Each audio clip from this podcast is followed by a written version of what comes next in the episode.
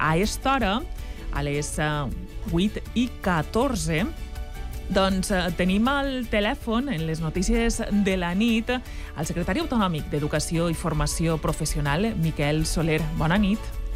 Hola, bona nit. Amb este boom de la formació professional s'han obert, obert cicles de noves especialitats, sobretot adaptats a les demandes de cada comarca. Quantes especialitats noves s'han posat en marxa i de quines branques estem parlant?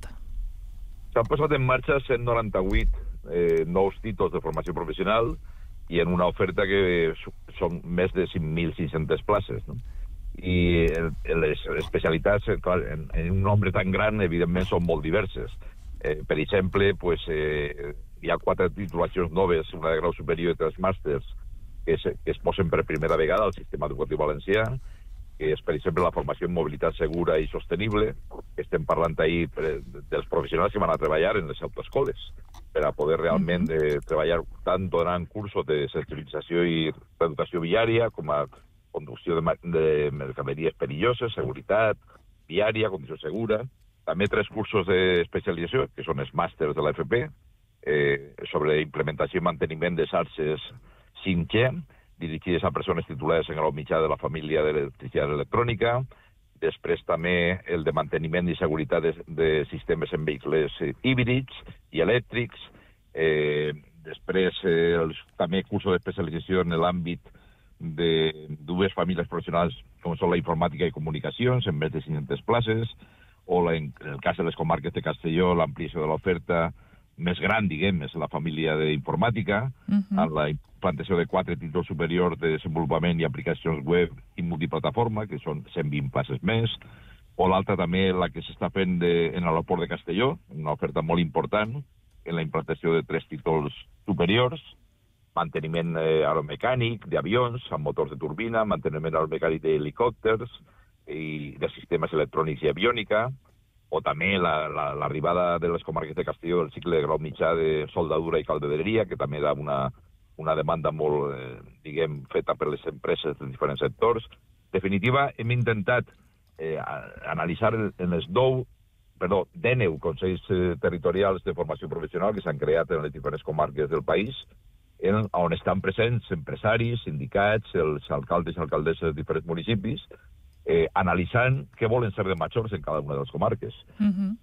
El sentit de dir que tenim avui, que sectors productius tenim, quina formació requereixen i també, pensant en el futur, en què sectors nous volem eh, implementar i quina formació professional es té que donar, no? Uh -huh. I en això estem. Jo crec que és molt important el, creixement produint, per exemple, el cas de Volkswagen, no? Pues la, la xicafactoria de bateries i els estudis de formació professional eh, conjuntament de l'Institut de Tecnologia i Energia i la Conselleria d'Economia, estan fent també creant diferents grups de treball en química, instal·lació i manteniment, fabricació mecànica, automoció, preparant unitats de formació que puguen permetre eh, formar a professionals que després, a més, saben que conforme acaben els estudis tindran treball més que garantit, diguem, en esta xicafactoria que es va muntar en Sagunt, no? Jo crec que aquest és conjunt de coses molt positives per a garantir la empleabilitat i millorar la formació, diguem, del conjunt de l'alumnat.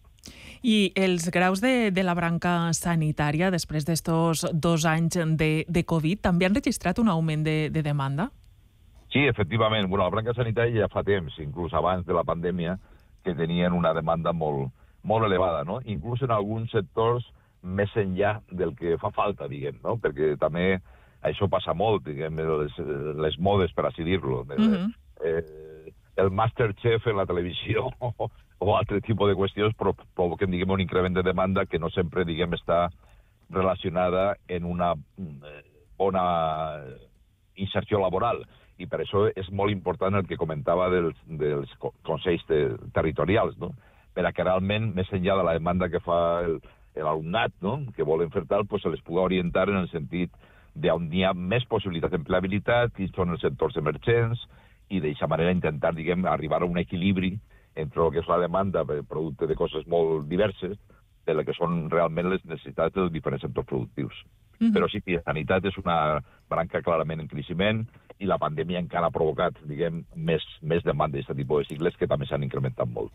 I abans, eh, la formació professional era, com podríem dir, la germana pobra de l'educació, però des de ja fa uns anys està tenint un reconeixement, sobretot per les eixides laborals que, que presenta, com ens ha comentat. Eh, hi ha alumnes que quan ingressen a la universitat en moltes titulacions porten ja una preparació prèvia que els alumnes de, de batxillerat no tenen. Això s'ha constatat en, en, en estos últims anys? Sí, efectivament, perquè a més l'optar quan s'acaba el batxillerat eh, con el, el típic debat, no? El, vaig a fer una carrera universitària o vaig a fer un cicle superior d'FP? Pues aquest debat ha canviat molt, perquè molta gent el que fa és cursar un cicle superior d'FP i després sap que pot continuar estudis universitaris i damunt se li convaliden crèdits eh, universitaris del que ja ha cursat, no? El, aquelles carreres universitàries que tenen relació amb aquests cicles. Però també s'està produint el, el fenomen invers. Est, eh, estudiants que opten en principi per fer una carrera universitària i una vegada acabada la carrera es matriculen en un cicle superior d'FP per a tindre més possibilitats d'empleabilitat en el sector corresponent. I, per tant, ahir hi ha una, una mobilitat. De fet, ara estem fent un, eh, un grup de treball en les, en les universitats públiques valencianes per a realment que es produïsca una millor eh, connexió i reconeixement mutu de crèdits en un lloc i en l'altre, per a que independentment... El que tenim que fer, si volem realment que la formació al llarg de la vida sigui una realitat, és que no hi ha cap camí tancat. I, per tant, que independentment de l'opció que puguis prendre als 16, als 18 anys, pues, tingues possibilitat de reconeixement dels estudis que has fet en un lloc o un altre per a que puguis continuar la teva formació. Mm -hmm. Per tant, entenem que, en general, els estudiants que opten per la formació professional, siga des d'un inici, és a dir, per a continuar formant-se o que venen de la universitat, saben que hi ha nota de tall i que doncs, eh, en cada centre és diferent, com, com passa a les universitats? Efectivament, sí. Això està clar que els cicles més demandats, doncs clar, si n'hi ha una oferta de 100 places en qualsevol cicle en diferents centres, pues, entre les 100 millors notes de l'alumnat que ho demana. Això, diguem, fa uns anys no, no passava, no? perquè ni tan sols se cobrien les 100 places ofertades, i avui, evidentment, estàs començant a passar en els cicles més demandats. Per això també hem posat en guany, diguem, per primera vegada ja anem a duplicar-la o anem a incrementar el que puguem, la, la, les beques per a la mobilitat de l'estudiant de formació professional, és a dir, de la mateixa manera que per accedir a la universitat n'hi ha beques per al transport o beques a residència, etc. pues també hem fet el mateix en guany en FP.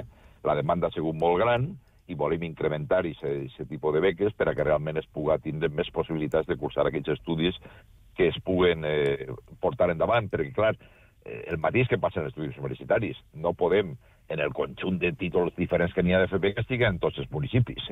Hi ha que fer una oferta, diguem, territorial el més, eh, diguem, equilibrada possible, però sempre hi haurà desplaçaments de l'alumnat d'un lloc a altre per a poder cursar els estudis que volen.